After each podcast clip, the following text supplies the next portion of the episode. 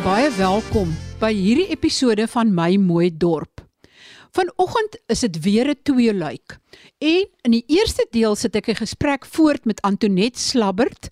Sy is 'n sakejoernalis van Rapport en sy vertel vir ons na aanleiding van die gesprek verlede week oor elektrisiteitsvoorsiening aan dorpe oor 'n baie interessante aspek wat ek eintlik bitter min van geweet het en dit is die herverkoper van elektrisiteit. Byvoorbeeld soos in 'n winkelsentrum en lyk my sake loop nie altyd daar so vlot as wat dit behoort te loop nie. Dan in die tweede deel gesels ek met Dr. Braam Hannekom wat onlangs 'n seminaar bygewoon het waar daar gesels het oor die vraag: Is Suid-Afrika 'n mislukte staat? Want so kan mens vra, is jou dorp 'n mislukte dorp? En wat bepaal of jou dorp 'n mislukte dorp is. En indien wel, het jy beslis die raad en hulp nodig wat in hierdie program uitgedeel word. En as jy nie 'n mislukte dorp is nie, deel asseblief jou suksesse met ons sodat ons weer vir ander dorpe kan help om ook suksesvol te word. Ek verstaan dat in winkelsentrums die krag aan 'n enkele hoofpunt gelewer word en dat die eienaar van die winkelsentrum dit dan onderverdeel en na die verskillende huurders toe aanstuur. Mag daai eienaar wat die hoofpunt beheer van die winkelsentrum mag hy wins maak daarop? Is daar 'n manier wat hy wel inkomste kan genereer daaruit dat hy byvoorbeeld 'n afslag kry by Eskom en dan kan hy die gewone tarief verhaal en daai verskil is dan sy wins in aanhalingstekens. En gebeur dit dat die winkelsentrum eienaars regtig waar dit op die regte manier bereken of buit hulle die huurders uit dat hulle kan ekstra wins maak uit hulle huurders uit vir die elektrisiteit wat hulle eintlik via Eskom of hulle plaaslike owerheid kry en bloot aan die huurders behoort deur te gee. En neem hierdie probleem toe en hoe kan 'n huurder vasstel of hy eintlik verneuk word deur sy verhuurder? Hoe groot is die probleem en hoe kan dit oorkom word? Wat staan jou te doen? Baie verbruikers is nie bewus van die rol van herverkopers van elektrisiteit nie. Nou 'n herverkoper is normaalweg 'n organisasie wat 'n diens verskaf binne 'n deeltitel eenheid, iets soos 'n byvoorbeeld 'n winkelsentrum of 'n residensiële kompleks of 'n kantoorblok of 'n nywerheidspark. Nou wat gebeur is dat die munisipaliteit die krag net bring tot by die hek en die interne verspreiding moet dan deur die ontwikkelaar gedoen word en hy stel dikwels 'n herverkoper aan om daardie rekeninge, die meterlesings en die rekeninge namens hom te hanteer. Nou die wet bepaal dat so 'n herverkoper nie 'n hoër tarief aan verbruikers mag stel as wat daardie verbruiker sou betaal as hy direk van die munisipaliteit gekoop het nie. Die herverkoper mag wel wins maak, maar dit doen hy deur in die eerste plek by die munisipaliteit te registreer en dan kom hy in aanmerking vir 'n afslagtarief waarteen hy krag aankoop. Nou die verskil tussen die afslagtarief en die kleinhandeltarief van daai munisipaliteit is dan sy wins. Ongelukkig is dit so dat daar partye herverkopers is wat hulle nie steur aan die wetgewing nie en wat geld byvoeg wat die tariewe laai. So hulle maak vet wins deur hoër tariewe te hef as wat 'n 'n verbruiker in dieselfde kategorie direk aan die munisipaliteit sal moet betaal. Verbruikers moet hulle rekeninge nagaan en kyk wat is die tarief wat gehef word en dan kan hulle op Nersa se webblad of dit is gewoonlik ook op die munisipaliteit se webblad gaan kyk watter tarief op hulle van toepassing behoort te wees. As dit nie reg is nie, kan hulle eerstens by die munisipaliteit gaan kla Hulle kan dit ook onder die aandag bring van die vereniging van herverkopers. Die afkorting daarvoor is ERASA. En die organisasie sal probeer help of alternatief kan hulle by die energiereguleerder NERSA gaan kla en dit behoort dan reggestel te word.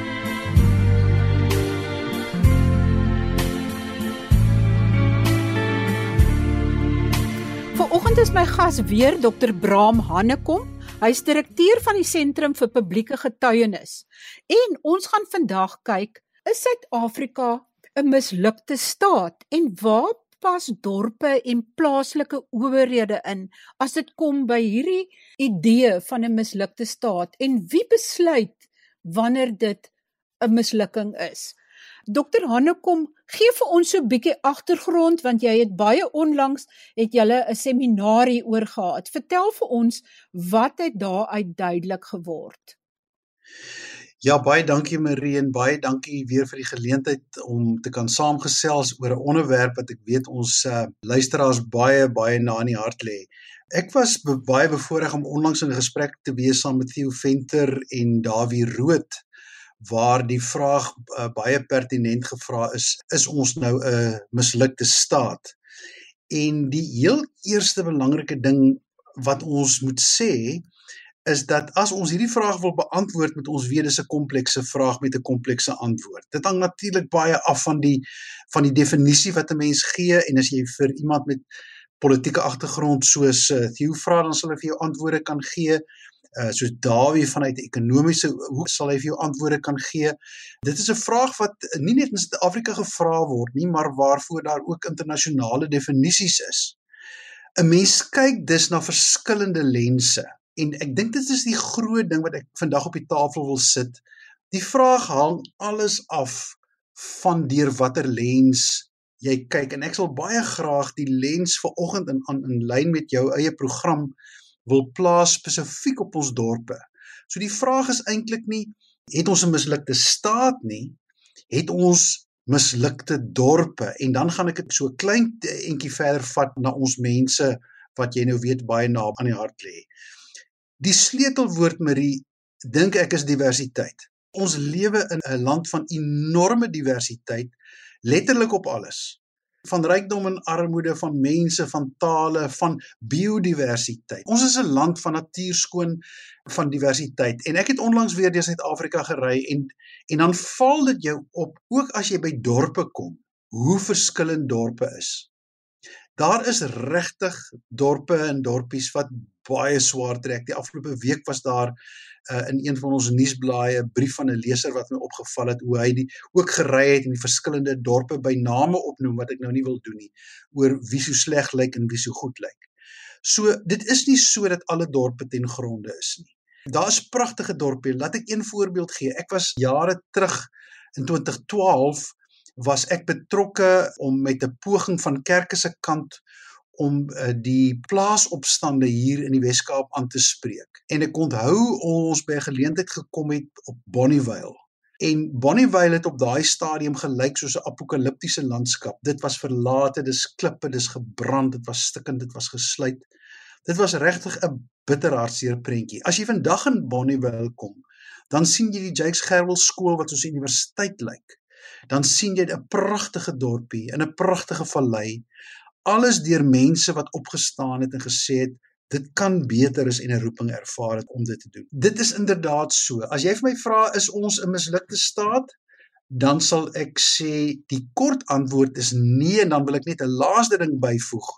Ek dink 'n mislukte staat of 'n stad of 'n dorp is 'n plek waar mense hulle roeping en hulle hoop verloor het. Dinge kan baie sleg wees. Na die Tweede Wêreldoorlog was in baie stede en streke in Europa was dit stikkend geweest. Wanneer jy jou hoop en jou roeping verloor, dan is jy 'n mislukking. As jy vir my vra, is ons 'n mislukte staat? Ek sou sê partykeer voel dit vir my meer ons is 'n mislukte nasie as dit kom by versoening en samewerking en geduld en respek en alles wat daarmee saamgaan. Maar die kort antwoord is nee, daar is dorpe wat mense kon sê eh, 'n mislukking is en dan is daar dorpe met wie dit baie goed gaan en dit draai rondom twee woorde leierskap en plaaslike regering. As jy dan praat van plaaslike regering, kan jy 'n klein bietjie uitbrei daarop? Marie, dit is 'n verskriklike komplekse ding en ek weet iets van die luisteraars wat nou of gaan moedeloos raak of gaan kwaad raak en gaan sê Maar dit is presies die ding, ons kan nie meer nie. Mag ek sê, ek dink ons moet eerlik met onsself wees en sê ons is 'n bietjie in 'n knyptang vasgevang. Laat ek dit eers so stel. In dorpe waar plaaslike regering min of meer hulle deel doen, is jy meer as 50% op pad na sukses. In dorpe waar plaaslike regering nie hulle deel doen nie, swem jy stroom op. Kom ek gee 'n voorbeeld, 'n sensitiewe voorbeeld. Uh Bloemfontein Mangaung het onlangs 'n nuwe burgemeester gekry. En ek was in in gesprekke gewees om te kyk of kan ons nie daar iets begin, uh, jy weet 'n ontbyt of iets om net om mense bymekaar te kry. Nie terloops, ek het ek het onlangs deur Bloemfontein gery en ek het 'n lang verbintenisse met die stad. Ek het nostalgiese verbintenisse. Dis 'n pragtige plek. My hart klop elke keer warm as ek daar kom. En ek het so deur die stad gery en ek vir myself gesê, dit het nog self dieselfde ambiance. As jy 'n Bloemfonteiner is, dan is jy lief vir daai plek. En daar's 'n klomp goed wat stikkend is, maar dit vir my gevoel alles kan reggemaak word. Die tuine kan weer reggemaak word, die paaie kan reggemaak word, die vullis kan verwyder word. Dis alles goed wat relatief maklik is om reg te maak. Daar moet net 'n paar goed in plek kom. Dieselfde uh, asem is daar wonderlike ontwikkelinge in Bloemfontein. Pragtige geboue. Jy kan sien hier's geld. Hier's dinge aan die gang. So waar lê die knoop? Nou is daar 'n nuwe burgemeester. En mense sê nee, maar dit is ek weet nie of ek dit nou eers op jou program kan sê nie, maar dis wat gesê word in die, in die media. Die man is 'n vriend van Ysmakashule. En met mense wie ek gepraat het, is dit asof daar 'n moedeloosheid en 'n magteloosheid inskop. En sê ons het soveel keer probeer. Ons het soveel keer probeer toenaderings gesoek, maar dit is net nie moontlik nie. Marie, miskien is dit nodig dat dat mense wat nog dom genoeg is en naïef genoeg is om nog 'n keer te probeer sal probeer en net te kyk is dit nie net nog 'n keer moontlik om mense bymekaar te kry en iets te doen nie ons kan nie sonder ons plaaslike regeringswerk nie Erns moet daar 'n deurbraak kom. Erns moet daar 'n telefoon opgetel word. Erns moet daar 'n gesprek met iemand gevoer word. Ek wil nie sê dit gaan in Bloemfontein werk nie. Ek wil my nie uitspreek oor Bloemfontein nie, maar ek gebruik dit as 'n voorbeeld om te illustreer van die vasgelooptheid waarin ons so baie keer sit op dorpies en waar mense net kom en moed opgee en moedeloos is met plaaslike regering. Al is daar dalk net een luisteraar wat vandag sê, weet jy, ek gaan nog een keer probeer. Ek gaan nog 'n een afspraak maak met die munisipale bestuurder. Ek gaan nog een telefoon oproep. Dalk is daar 'n munisipale amptenaar wat hier luister en sê dalk moet ons net nog een keer weer ons deure oopmaak en luister. Dan kan daardie wending kom.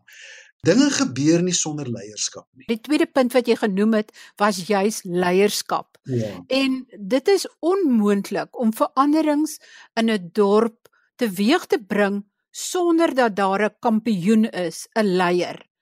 Maar vertel vir ons meer oor hoe kan mens leiers identifiseer? Wat is daai belangrike punte van leierskap wat jou onderskei van ander mense?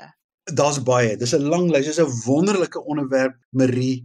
Ek dink een van die dinge wat vir my na in die hart lê, leiers lewe met 'n heilige ongeduld. Kyk, ongeduld is is mos nie goed nie, maar daar's iets soos 'n heilige ongeduld waar daar net iets in iemand begin opstaan en sê dit kan nie so aangaan nie. Of dit die hawelose probleem is in Kaapstad en of dit die die rommelhope van ons dorpe is en of dit water of wat ook al is. Ek het toevallig deur 'n ander dorpie gery en toe sien ek binne 'n uur van mekaar af sien ek op 'n plek 'n fietsry groep van 30 mense. Uh, ag ek kan maar die dorpie se naam noem Kleinmond. 'n Fietsry groep van 30 mense. Iemand het opgestaan, 'n leier het opgestaan en hy het begin fietsry paadjies bou in die natuur, oral oor 'n fietsry klap gestig. Maar dit val nie uit die lug uit nie. Iemand het die inisiatief geneem. En daar is 'n klomp ouer mense 'n groep van 30, 40 wat op 'n Saterdagmôre die dorp versier met die paadjies en dit wat hulle doen en die groep wat ry en net om die draai. Toe sien ek weer 'n ander groep op dieselfde dorp wat besig is om rommel op te tel. En ek sien daar stap 'n man met 'n papier en so 'n klipbord en ek weet hy is die leier van daai groep. Hy koördineer hulle, hy bring hulle bymekaar. Erns is daar leierskap. Leierskap het eintlik net twee goed. Daar's net twee woorde as ek nou baie jare se kursus in twee woorde kan saamvat. 'n Leier het 'n visie, 'n leier sien 'n prentjie. Met ander woorde, jy sien 'n prentjie van die dorp, jy sien skoon strate, jy sien strate sonder uh, potholes, jy, jy sien iets, jy sien 'n moontlikheid, 'n clear mental image noem die ouens dit. En die tweede is 'n leier bou 'n span. Hy doen dit nie alleen nie. 'n Leier bou 'n span. Hy of sy bou die span. So op jou dorp sê ek altyd, Wat is die prentjie wat jy sien en wie is die 3 of die 4 mense wat jy bymekaar gaan kry om wat ook al te doen wat op jou dorp moet gebeur. En dalk moet die plaaslike regering deel van daai span wees. Dalk moet die plaaslike regering met met alles wat dit verg om 'n leier te wees, inkoop in die situasie. 'n Laaste ding net oor leierskap. Leiers lei soms af volgelinge, soms horisontaal en leiers lei soms op. Soms moet jy jou meerdere Soms moet jy mense wat bo jou is beïnvloed. Ware leierskap is dalk vir iemand om op te staan en sê ek het geen posisie op hierdie dorp nie, maar ek kan 'n burgemeester of 'n munisipale bestuurder beïnvloed. Volhardend op die regte manier met die regte visie. Ek dink daar is min plaaslike regerings en mag ek dit met 'n tong in die kies sê 'n politikus bly maar 'n politikus dat as jy met 'n aanbod kom om hulle regtig te help dat hulle nie die versoeking sal weerstaan om na jou te luister nie. Is dit wat julle dan ook teëgekom het met die dorpe wat julle besoek het? Dat daar wel bereidwilligheid is om te luister of is dit 'n baie moeilike aspek? Weereens, ons het begin met die vraag oor diversiteit, Marie. Weereens nie 'n enkelvoudige antwoord nie. Ek is absoluut oortuig daar is uh munisipaliteite wat luister en wil saamwerk. En dalk het ons nog nie hard genoeg probeer om te gaan sit en daai verhoudinge te bou met jou plaaslike regering om te sê ons wil 'n verskil maak nie. Daar is natuurlik mense wat dood eenvoudig, ons weet dit is ongelukkig so, dit word oral gesê, as mense wat onbevoeg is. En dan is daar mense natuurlike groep wat van die geld verduister wat gewoon krimineel is. Ek weet nie waar jy op die spektrum lê met jou dorp nie, Al wat ek weet is daar is altyd genoeg goeie mense om op 'n dorp byeen te bring en die verskil te maak. En nou is ons terug by die leierskap. Leierskap sien 'n visie, het 'n plan en maak mense bymekaar om daardie verskil te gaan maak. So plaaslike regering, ons is in die moeilikheid rondom plaaslike regering in Suid-Afrika. Maar hoe begin ons? Waar los jy dit op? Soos altyd van bo en van onder. Daar moet nuwe stelsels kom. Ek is baie oortuig daarvan as ons die land eksponensieel beter wil maak. Maar intussen tyd moet ons op plaaslike vlak begin om um, daai groepe, daai instellings te vestig meer as net 'n belastingbetaler vereniging wat soms maar stroom opswem as dit kom by plaaslike regering.